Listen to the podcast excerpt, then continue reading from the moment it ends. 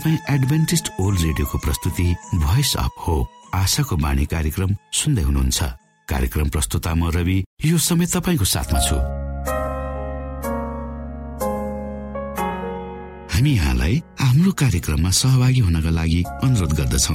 हामी साँचो परमेश्वर तपाईँलाई माया गर्ने परमेश्वर तपाईँलाई उद्धार गर्न चाहने परमेश्वरका विषयमा जानकारीहरू प्रस्तुत गर्ने क्रममा छौ। सुरुमा सुनौ यो आत्मिक भजन।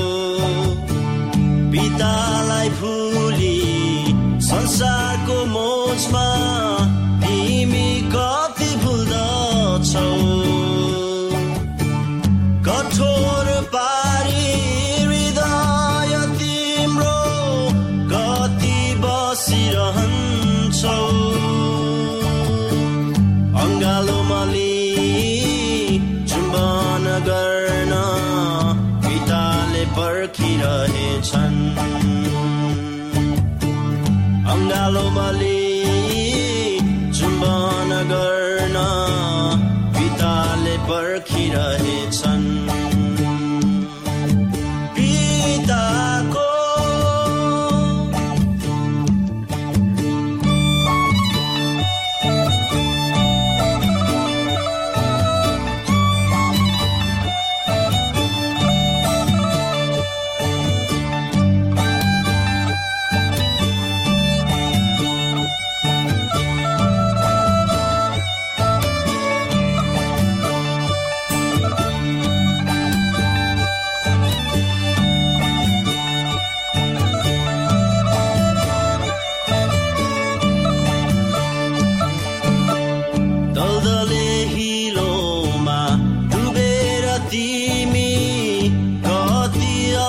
nhân chầu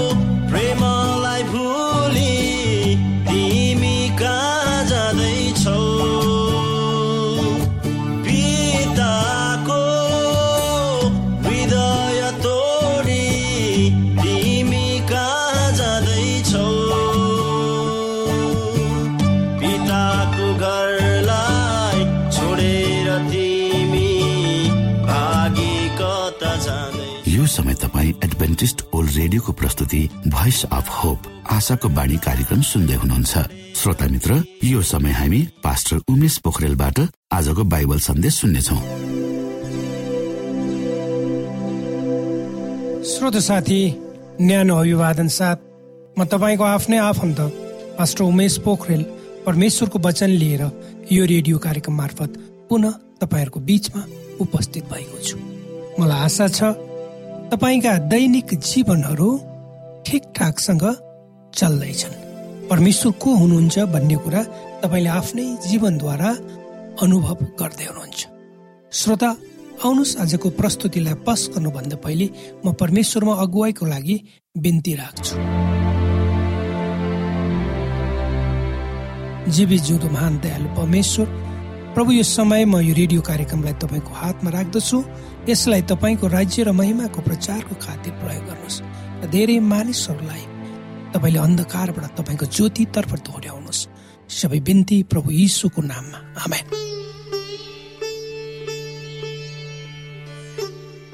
श्रोता आज तपाईँहरूको बिचमा म प्रभु यीशु क्रिसको बारेमा केही कुराहरू लिएर उपस्थित भएको छु। एकजना प्रचारकले आफूले यसुलाई किन विश्वास गर्छु भन्ने कुराको विषयमा प्रवचन सिद्धाइसकेपछि श्रोता मध्ये एकजनाले उनलाई आएर यसो भनी सोध्छन् आज राति तपाईँले दिनुभएको वचन रोचक थियो?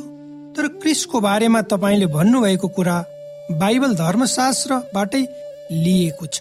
मलाई भन्नुहोस् यसु यस संसारमा रहनु भएको कुराको बारेमा इतिहासले के भन्छ? उक्त प्रचारकले भने हो तपाईँले भन्नुभएको कुरा सही हो भन्दै आफ्नो हातमा भएका किताबहरू पल्टाउँदै जवाब दिन्छन्। र उनी भन्छन् इतिहासले यसु क्रिसको बारेमा स्पष्ट रूपमा बताउँछ र यो प्रमाणित कुरा हो। उक्त श्रोताले ती प्रचारकलाई सोध्छन् के म तपाईँसँग भएको किताब आफै पढ्न सक्छु त? र उनीलाई ती प्रचारकले आफूसँग भएको पुस्तक दिन्छन् र यसमा यसरी लेखिएको थियो। यहाँ पुरानो एसिया माइनरको एक प्रान्त बिथेनियाका रोमन प्रशासक क्लिब्नी द यङ्गरका पत्रहरूको पुस्तक छ। लिब्नीले रोमन सम्राट ट्राजनलाई उनको प्रान्तको घटनाबारे लेख्दछन्। हेर्नुहोस् यहाँ उनले नयाँ धर्म जसलाई इसाईहरूलाई कसरी सम्हाल्ने भनेर सल्लाह मागेका छन्। उनले उनीहरूको संख्यामा आएको तीव्र वृद्धि र तिनीहरूले कसरी आफ्ना अगुवा क्रिसको नाममा लेखिएका भजन गाए भन्ने बारेमा उनी लेख्दछन् लिप्नीले सो पत्र लगभग इस्वी सम्मत एक सय दसमा पठाएका थिए। लिप्नीद्वारा लेखिएको पत्रले मानव क्रिस र उहाँका प्रेरितहरूका दिनमा उहाँको आस्थाको फैलावटको ऐतिहासिक प्रमाण दिन्छ। अचम्म मान्दै उक्त जवान मानिसले भने मलाई अझै बताउनुहोस् भन्नुहोस्। ती प्रचारकले अर्को पुस्तकको पाना पल्टाउँदै थपे। अर्को इतिहासकार लिप्नीका समकालीन टार्सिट थिए। उनले लेखेका वार्षिक वृत्तान्त पुस्तक पन्ध्र र अध्याय चौवालिसमा उनले रोमको जलिरहेको समयमा इसाईहरूप्रति नेरो राजामा रहेको घृणा र उनीहरूप्रतिको अत्याचारको बारेमा लेखेका छन्। टासिटसले क्रिस्चियन शब्द क्राइस्टबाट आएको बताउँछन्। उनले टाइबेरियसको शासनकालमा पेन्थियस पिलातसले इसाई धर्मका संस्थापक यसु क्रिस्टलाई मृत्युदण्ड दिएको उल्लेख गरेका छन्। टासिटसले दिएका यी सबै विवरणहरू बाइबलमा दिएका ती घटना नाम र ठाउँहरूसँग ठ्याक्कै मेल धर्मगुरु मैले यस्ता कुराहरू धर्म निरपेक्ष इतिहासमा थियो भन्ने कहिले थाहा पाइन। आगन्तुकले छक्क परेर भन्दछ त्यसपछि धर्मगुरुले थप्छन्। म तपाईँलाई झन्डै इस्पी सम्बत एक सय असीमा सेसल्सले इसाईहरूको विरोधमा पुस्तक लेखिएको कुरालाई ध्यान दिन अनुरोध गर्छु। जसले त्यति बेलासम्म इसाई धर्म शक्तिशाली बनिसकेको थियो भन्ने कुरा इङ्गित गर्दछ। यदि तपाईँलाई अझ पनि शङ्का छ भने के सम्झिनुहोस् भने यी चारवटा पुस्तक सुसमाचारहरू ती धर्म निरपेक्ष पुस्तकहरू जस्तिकै इतिहास हुन्। जब यी युवाले दुवै धार्मिक र धर्म निरपेक्ष इतिहासले यसु परमेश्वर पृथ्वीमा मानिसको रूपमा जीवन बिताउनु भएको थियो भन्ने कुरामा सहमत रहेको थाहा पाएपछि उनी यसु क्रिस एक वास्तविक ऐतिहासिक व्यक्ति हुनुहुन्थ्यो भन्ने विश्वस्त भएर गए। श्रोता धेरै मानिसहरूको आज पनि यो जिज्ञासा छ कि यसु साँच्चै यो संसारमा आउनु भएको थियो। तर यदि तपाईँ र मैले इतिहास पढ्यौँ भने इतिहासले यो प्रमाणित गर्दछ यसु यो संसारमा आउनु भएको थियो। र बाइबल धर्मशास्त्रलाई हामीले हेर्यौँ भने पुरानो नियम र नयाँ नियम दुवैलाई क्रिसको अस्तित्व अनन्त कालदेखि रहिरहेको थियो। हिजो पनि थियो आज पनि छ। यसु एक असल मानिस मात्र हुनुहुन्न थियो उहाँ परमेश्वर पनि हुनुहुन्थ्यो। यसुले आफ्नो देवताको बारेमा कस्तो दावी गर्नुभयो? यदि तपाईँहरूले मलाई साँच्चै चिन्नु भयो भने तपाईँहरूले मेरो पितालाई पनि चिन्नु हुने थियो भनेर प्रभु यीशुले स्पष्ट रूपमा भन्नुभयो। यदि तपाईँहरूले परमेश्वर को हुनुहुन्छ भन्ने कुराको प्रश्नको उत्तर तपाईँमा छ भने तपाईँले यसुको जीवनलाई हेर्नुपर्छ श्रोता। यसुले भन्नुभएको छ पवित्र धर्मशास्त्र बाइबलमा यहुन्ना दसको तिसमा पिता र म एक हौ। परमेश्वर पिता र यसु पुत्र अनन्त कालदेखि सँगसँगै अस्तित्वमा रहनु भएको छ। कुनै समय थिएन जहिले यसु पितासँग हुनुहुन्न थियो। पिताले प्रत्येक व्यक्तिका लागि उहाँ उही प्रेम र माया बाँड्नुहुन्छ जुन यसुले पृथ्वीमा आफ्नो मानव जीवन बिताउँदा बाँड्नु भएको श्रोत साथी अझ हामी गहिरेर हेर्नेछौ क्रिस्टको बारेमा। क्रिस्टको जीवन कथा अगमबाणीहरूको पूर्णताले स्पष्ट देखाउँछ। उहाँको जीवन कथा उहाँ जन्मनु अगाडि नै लेखिए। पुरानो नियमका अगमबाडीहरूले अग्रिम रूपमा क्रिस्टको जीवन मृत्यु र पुनरुत्थानको स्पष्ट रूपरेखा प्रस्तुत गरेका छन्। नयाँ नियम भनेको उहाँको जीवनको कथा हो। अर्थात् यसुको जन्म र मृत्यु बीचको कथा हो। क्रिस जन्मनु भन्दा अगाडि बाँच्ने पुरानो नियमका अगमवक्ताहरूले मसिहको जीवनको बारेमा धेरै विशिष्ट अगमबाडीहरू गरेका थिए। अनि क्रिस्टको सांसारिक सेवाको सुरुमै मानिसहरूले उहाँको जीवनलाई पुरानो नियमको भविष्यवाणीसँग तुलना गर्दा गर्दै उनीहरूले के निष्कर्ष निकाले त? हामीले मोसाले कानुनमा लेखेको भेट्टाएका छौँ जसको बारेमा अगमवक्ताहरूले पनि लेखेका थिए। नासरतका येसु युसुफका छोरा यहुन्ना एकको पैतालिस। हाम्रा मुक्तिदाताले उहाँको पहिचान स्थापित गर्न पूरा भएका अगमबाडीहरूको लागि अपिल गर्नुभयो। अनि मोसाबाट सुरु गरेर सबै अगमवक्ताहरूलाई उहाँले आफ्नो बारेमा सबै धर्म ग्रन्थमा जे उल्लेख भएको छ त्यही वर्णन गर्नुभयो। पूरा भएका अगमबाडीहरूले चित्त बुद्ध प्रमाण दिन्छन् भन्ने प्रतिज्ञा गरिएका मसिह यसु नै हुनुहुन्छ। श्रोता हामीले पवित्र धर्मशास्त्र बाइबललाई नयाँ नियम र पुरानो नियमलाई हेर्यौँ भने पुरानो नियममा जुन भविष्यवाणी गरिएका थिए ती कुराहरू नयाँ नियममा पुरा भएका छन्। यसुको जन्मको बारेमा उहाँको वंशज र जाति कुन जातिबाट उहाँ आउनुहुन्छ भनेर उहाँलाई अस्वीकार गर्ने मानिसहरूले नकार्ने छन् भन्ने कुराको बारेमा उहाँको मृत्युको बारेमा चिहानबाट उहाँको प्रस्थानको बारेमा यसुका थोरै अगमबाडीहरू मात्र पुरान भएका होइनन् भन्ने कुराको बलियो प्रमाण छ। वास्तवमा उहाँको जीवनी अलौकिक माध्यमद्वारा पहिले नै लेखिएको थियो साँच्चै यसु परमेश्वरका पुत्र हुनुहुन्छ भने। प्रमाणहरूको अध्ययन गरेपछि हामीले हाम्रो जीवनमा परमेश्वर को हुने भन्ने बारेमा प्रार्थना पूर्वक निर्णय गर्नुपर्छ।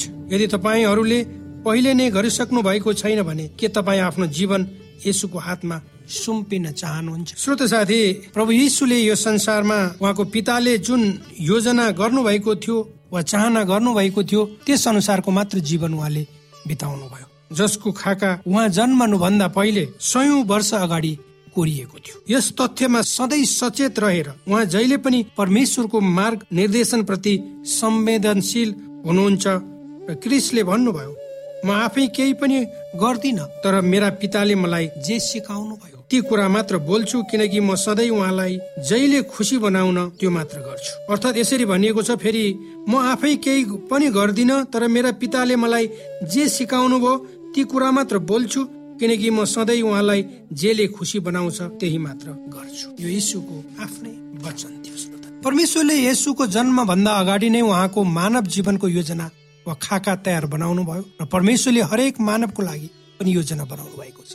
अर्थात् तपाईँ र मेरो लागि। उहाँलाई थाहा छ हामी हरेकले आफ्ना सबैभन्दा गहन इच्छाहरू पूरा गर्न सम्पन्न जीवन पाउन सक्छौँ। एकजना व्यक्ति थिए उनको नाम रे थियो। उनले आफूलाई परमेश्वरको योजनामा सुम्पिने कुरामा कहिले पनि निश्चित थिएनन् उनले विश्वास गरेनन्। तर जब उनले कलेज कहाँ अध्ययन गर्ने भन्ने बारेमा ठुलो निर्णय गर्नु परेपछि उनले सो विषयमा पहिलो पटक परमेश्वरको मार्ग निर्देशनको लागि प्रार्थना गर्ने निर्णय उनले धेरै दिनसम्म प्रार्थना गरेर केही जवाब सुन्ने प्रयास गरे। केही समयपछि उनले किन दोस्रो विकल्प छनौट गर्नुपर्छ भन्ने बारेमा एकदम स्पष्ट कारण देखा पर्यो। अलिक सस्तो तर ठुलो विश्वविद्यालय उनले पाए। कक्षाहरू सुरु भइसकेपछि क्याम्पस क्रुसेट फर क्राइस्ट नामक समूहसँग सम्बन्ध केही गजबका इसाईहरूसँग उनको परिचय भयो। अर्को दुई वर्षको अवधिमा उनीहरूसँगको अनुभवले उनको जीवन पुरै परिवर्तन भयो। रे आज पछाडि फर्केर हेर्छन् उनले हरेक चोटि ठुलो निर्णयको सामना गर्दा दैवीय मार्गदर्शनको लागि प्रार्थना गरेको उल्लेख गर्दछन्। परमेश्वरले मेरो जीवनको पूर्ण रूपमा नयाँ क्षेत्रमा ढोका खोलिदिनु भयो तपाईँहरू आफ्नो जीवनको लागि परमेश्वरको योजना कसरी थाहा पाउन सक्नुहुन्छ? परमेश्वरले विभिन्न तरिकाले तपाईँ हामीलाई अगुवाई गर्नुहुन्छ श्रोता। पहिलो कुरो बाइबल धर्मशास्त्र। भजन सङ्ग्रह अनुसार जीवनको मार्गदर्शक किताब कुन हो? तपाईँको वचन मेरो खुट्टाको लागि। भजन सृष्टिकर्ताका अनुसार जीवनको मार्गदर्शक किताब बाइबल। यहाँ लेखिएको छ भजन सङ्ग्रहका लेखक लेख्छन् तपाईँको वचन मेरो खुट्टाको लागि बत्तियो र मेरो बाटोको लागि उज्यालो भजन सङ्ग्रह एक सय उन्नाइसको एक सय पाँच परमेश्वरको वचनले हाम्रो दिमागमा पुनः ताजगी ल्याउँछ र हामीलाई अन्तर्दृष्टि प्रदान गर्छ। धर्म ग्रन्थको प्रार्थना पूर्ण अध्ययनको लागि नियमित समय हामीले सही प्राथमिकताहरू निर्धारण गर्ने उत्तम उपाय। अर्को कुरा भनेको ईश्वरीय परिस्थिति। परमेश्वरले हामीलाई दैवीय रूपमा निर्देशित परिस्थितिका माध्यमबाट पनि मार्ग निर्देशन गर्नुहुन्छ। भजन सङ्ग्रह तेइसले उहाँलाई असल गोठालाको रूपमा चित्रण गरिएको छ। गोठालोले भेडाहरूलाई हरिया उपत्यका र ढुङ्गनी टारहरू हुँदै डोर्याउँछ। उनी आफ्नो रेखदेखमा रहेका सबैलाई हरेक अनुबाट फाइदा उठाउन सिक्न सहयोग गर्न सक्षम छन्। हामीसँग त्यस्ता गोठाला छन् जो सदा हामी निकट छन्। तेस्रो हृदयमा परमेश्वरको प्रत्यक्ष संसार। परमेश्वरले हाम्रो अन्तस्करणमा बोलेर पनि हामीलाई मार्गदर्शन गर्नुहुन्छ। आत्माले तपाईँहरूको हृदयको आँखा खोलिदिन सक्छ।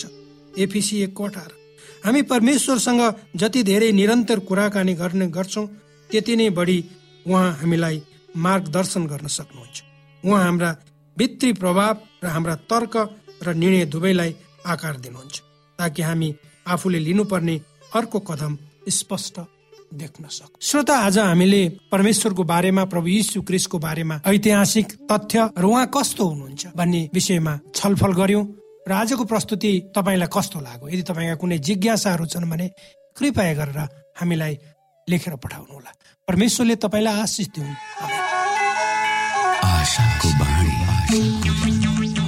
श्रोता भर्खरै यहाँले पास्टर उमेश पोखरेलबाट बाइबल वचन सुन्नुभयो। यो समय तपाईँ एडभेन्टिस्ट ओल्ड रेडियोको प्रस्तुति भोइस अफ होप आशाको बाणी कार्यक्रम सुन्दै हुनुहुन्छ। कार्यक्रम सुनेर बस्नुहुने सबै श्रोतालाई हामी हाम्रो कार्यक्रममा स्वागत गर्न चाहन्छौ।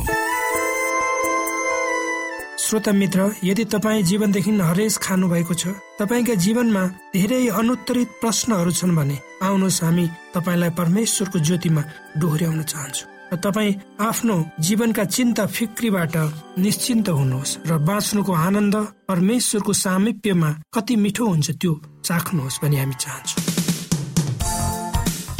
श्रोता यदि तपाईँ आशाको बाणी कार्यक्रमलाई अनलाइन सुन्न चाहनुहुन्छ वा डाउनलोड गर्न चाहनुहुन्छ भने www.awr.org मा जानुहोस्। त्यहाँ तपाईँले प्रत्येक दिनको कार्यक्रम सुन्न र डाउनलोड गर्न सक्नुहुनेछ। हाम्रो वेब पेज यस प्रकार छ www.awr.org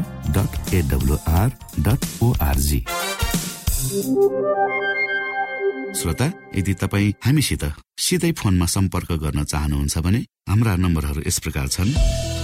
अन्ठानब्बे एकसाठी पचपन्न शून्य एक सय बिस अन्ठानब्बे एकसाठी पचपन्न शून्य एक सय बिस र अर्को अन्ठानब्बे अठार त्रिपन्न पन्चानब्बे पचपन्न. अन्ठानब्बे अठार त्रिपन्न पन्चानब्बे पचपन्न.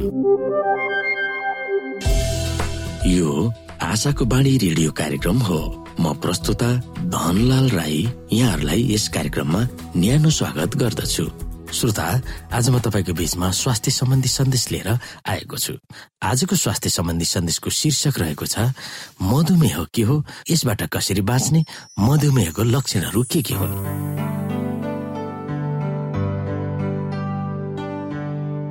श्रोता मधुमेह रोगलाई चिनी रोग सुगर वा डायबिटिजको नामले चिनिन्छ। मधुमेह अहिलेको समयमा अधिकांश मानिसहरूमा भएको छ। दिनानुदिन अनेक किसिमका रोगहरू बढिरहेका छन्। विभिन्न ठाउँमा विभिन्न नामका हस्पिटलहरू खुल्नेको संख्या दिनानुदिन उत्तिकै बढिरहेको छ। विभिन्न कारणले गर्दा किसानहरू पनि अर्ग्यानिक खेती गर्न छोडिसकेका छन्। अर्ग्यानिक खेती गर्ने किसानहरूको संख्या घटिरहेको छ र बजारमा विभिन्न किसिमका विषादीहरू प्रयोग गरी उत्पादन गरिएको खाद्यान्नहरू किनेर खानुपर्ने हामी सबैको बाध्यता छ। र त्यही विषादीयुक्त खाना हामी दैनिक खाइरहेका हुन्छौँ। मधुमेह रोग हाम्रो शरीरको रगतमा भएको सुगर अर्थात् गुलियो पदार्थ या भनौँ ग्लुकोजको मात्रालाई बुझाउँछ। हामी जति पनि खानाहरू खान्छौँ ती सबै हाम्रो शरीरले एसिड र इम्जाइमसँग मिश्रण गरी पचाउने काम गर्दछ। उक्त खाएको खाना डाइजेस्ट भए पनि यस शरीरमा एक किसिमको सुगर अर्थात् गुलियो पदार्थ उत्पन्न हुँदछ जसलाई ग्लुकोज भनिन्छ। हामीले खाएको खानाबाट पाइने पोषण तत्वहरू यसरी नै सधैँ ग्लुकोजमा परिणत हुने गर्छ।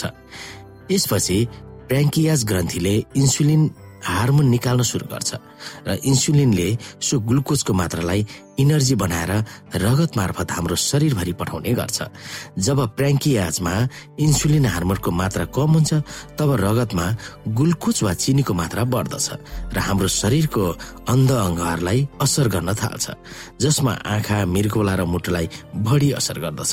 हाम्रो प्र्याङ्कियाज पाचन ग्रन्थीबाट इन्सुलिन हार्मोन बनिने गर्छ। इन्सुलिनको काम खानामा रहेको ग्लुकोजको मात्रालाई शरीरमा इनर्जी दिनु हो। यही हार्मोनको कारणले हाम्रो रगतमा भएको सुगरको मात्रा सधैँ कन्ट्रोलमा बसेको हुन्छ। डायबिटिज मुख्य दुई प्रकारको हुन्छ। टाइप एक डायबिटिज टाइप एक डायबिटिज भन्नाले शरीरमा इन्सुलिन हार्मोन नबन्नु भन्ने बुझिन्छ। यो विशेष गरी बालबच्चाहरूमा पाँचदेखि छ वर्षभन्दा माथि सत्रदेखि अठार वर्षसम्मकालाई हुने गर्छ। प्र्याङ्कियास ग्रन्थीमा इन्सुलिन बनिने कोशिकाहरू नष्ट भएर जान्छन् र इन्सुलिन मार्फत हार्मोन बन्न सक्दैन। यो इन्सुलिन नबन्ने कारणहरू मध्ये पहिलो वंशानुगत कारण हुन्छ भने दोस्रोमा विभिन्न भाइरसहरूको संक्रमणको कारणले हुने गर्छ। यस्ता कारणहरूले सानै उमेरमा इन्सुलिन बनिने कोशिकाहरू नष्ट भएर जान्छ। यो हुँदा इन्सुलिन हार्मोन जीवनभरि इन्जेक्सन मार्फत दिनुपर्ने बाध्यता पनि बन्न सक्छ। टाइप दुई टाइप दुई डायबिटिज धेरैको कमन डायबिटिज हो। यो मधुमेह हर कोहीलाई हुने गरेको पाइन्छ। यो प्रकारको डायबिटिजमा शरीरमा इन्सुलिन बनिरहेको हुन्छ तर आवश्यकता भन्दा अत्याधिक कम वा बढी बनिन्छ। तर नर्मलमा हुँदैन। यो प्रकारका मधुमेह हुँदा शरीरमा सही तरिकाले काम नगर्ने प्रकारको इन्सुलिन बनिने गर्छ। त्यसैले प्राय धेरैलाई यो टाइप दुई डायबिटिज हुने गरेको पाइन्छ। टाइप दुई डायबिटिज हुने कारणहरू विभिन्न हुन्छन् जसमध्ये शारीरिक कसरतको कमी विभिन्न रेडिमेड खानाहरूको सेवन अत्याधिक मासुको सेवन। डायबिटिज हुने मुख्य कारणहरू मध्येमा एक वंशानुगत समस्या पनि रहेको छ। डायबिटिजका लक्षणहरू के के हुन् हामी यहाँ हेर्नेछौ। श्रोता डायबिटिज हुँदा बढी तिर्खा लाग्ने हुन्छ किनभने शरीरमा भएको पानी र सुगरको मात्रा बारम्बार दिशा पिसाबाट सकिने गर्छ र हाम्रो शरीरलाई पानीको आवश्यकता बढी पर्दछ र तिर्खा लागिरहन्छ। तर तिर्खा लाग्दैमा डायबिटिज भयो भनेर आत्तिहाल्नु पर्दैन तर ख्याल भने गर्नु पर्दछ। आँखाको क्षमता कम हुन्छ टाढासम्म नदेखिने मधुरो हुने जस्ता समस्याहरू आउने गर्छ। कुनै पनि वस्तु चिन्न धेरै बेर ठम्याउनु पर्ने हुन्छ। डायबिटिजको सुरुवाती लक्षणहरू। अचानक शरीरको वजन कम भएर आउँछ। रुगा खोकी लाग्यो भने हत्तपत्त निको हुँदैन। हात खुट्टाको छालामा र यौनाङ वरिपरिको छालामा चिलाउने किसिमका घाउ खटिरा आउँदछ र यो निको नहुने हुन्छ। भोक अत्याधिक लाग्ने गर्छ। शरीरमा कुनै चोट लाग्यो भने हत्तपत्त निको हुँदैन। पिसाब गर्दा पिसाब गरेको जमिनमा कमिला लाग्दछन् कारण पिसाबमा ग्लुकोजको मात्रा यानि कि गुलियो पदार्थ गएको हुन्छ र कमिला लाग्ने गर्छ। रिङ्गटा लाग्ने शरीर कमजोर हुने निन्द्रा लागे जस्तो हुने लक्षणहरू देखा पर्दछन्। यदि यस्ता लक्षणहरू देखिने सुरु भए तुरन्त आफ्नो सुगर लेभल टेस्ट गराइहाल्नुपर्छ। सुगरको लेभल बिहान केही नखाँदा एक सय र खाना खाएपछि एक सय पच्चिस हुनु पर्दछ। यो भन्दा माथि गए शरीरमा सुगर बढ्न सुरु भएको बुझिन्छ। सुगर लेभल बढेको अवस्था आएमा शारीरिक कसरत गर्न सुरु गरिहाल्नुपर्छ। शरीरबाट पसिना निकाल्नु पर्दछ काम गर्नुपर्छ जिम गर्नुपर्छ कम क्यालोरीवाला खानाहरू खानु पर्दछ गुलियो चिजको सेवन पटक्कै गर्नु हुँदैन मासुको सेवन गर्नु हुँदैन। सब्जीमा हरियो सागपात लहराहरू बोडीहरू ताजा फलफुल जुन गुलियो नहुने किसिमका चना मटरहरू उमारेर खाने गर्नुपर्छ। सुगर हुनेहरूले करेलाको सब्जीको झोल खानुपर्छ करेलाको जुस नियमित खानुपर्छ। यसले सुगर लेभललाई बढ्न दिँदैन। मेथीको दानालाई पिसेर पाउडर बनाएर हरेक दिन बिहान एक चम्चा तातो पानीको साथ पिउने गर्नुपर्छ। कार्बोहाइड्रेट पाइने खानाहरू खानु हुँदैन तपाईँले सुन्नुभएको होला जामुन। यो सुगरको बिरामीको लागि अत्यन्त राम्रो औषधि हो।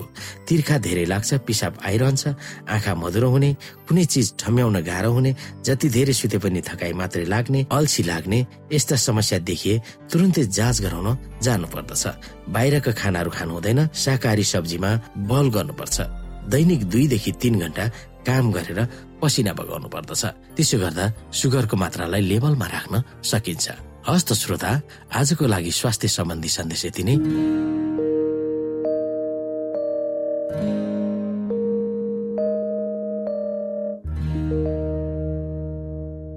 श्रोता घडीको सुईले समय सकिन लागेको संकेत गरिसकेको छ।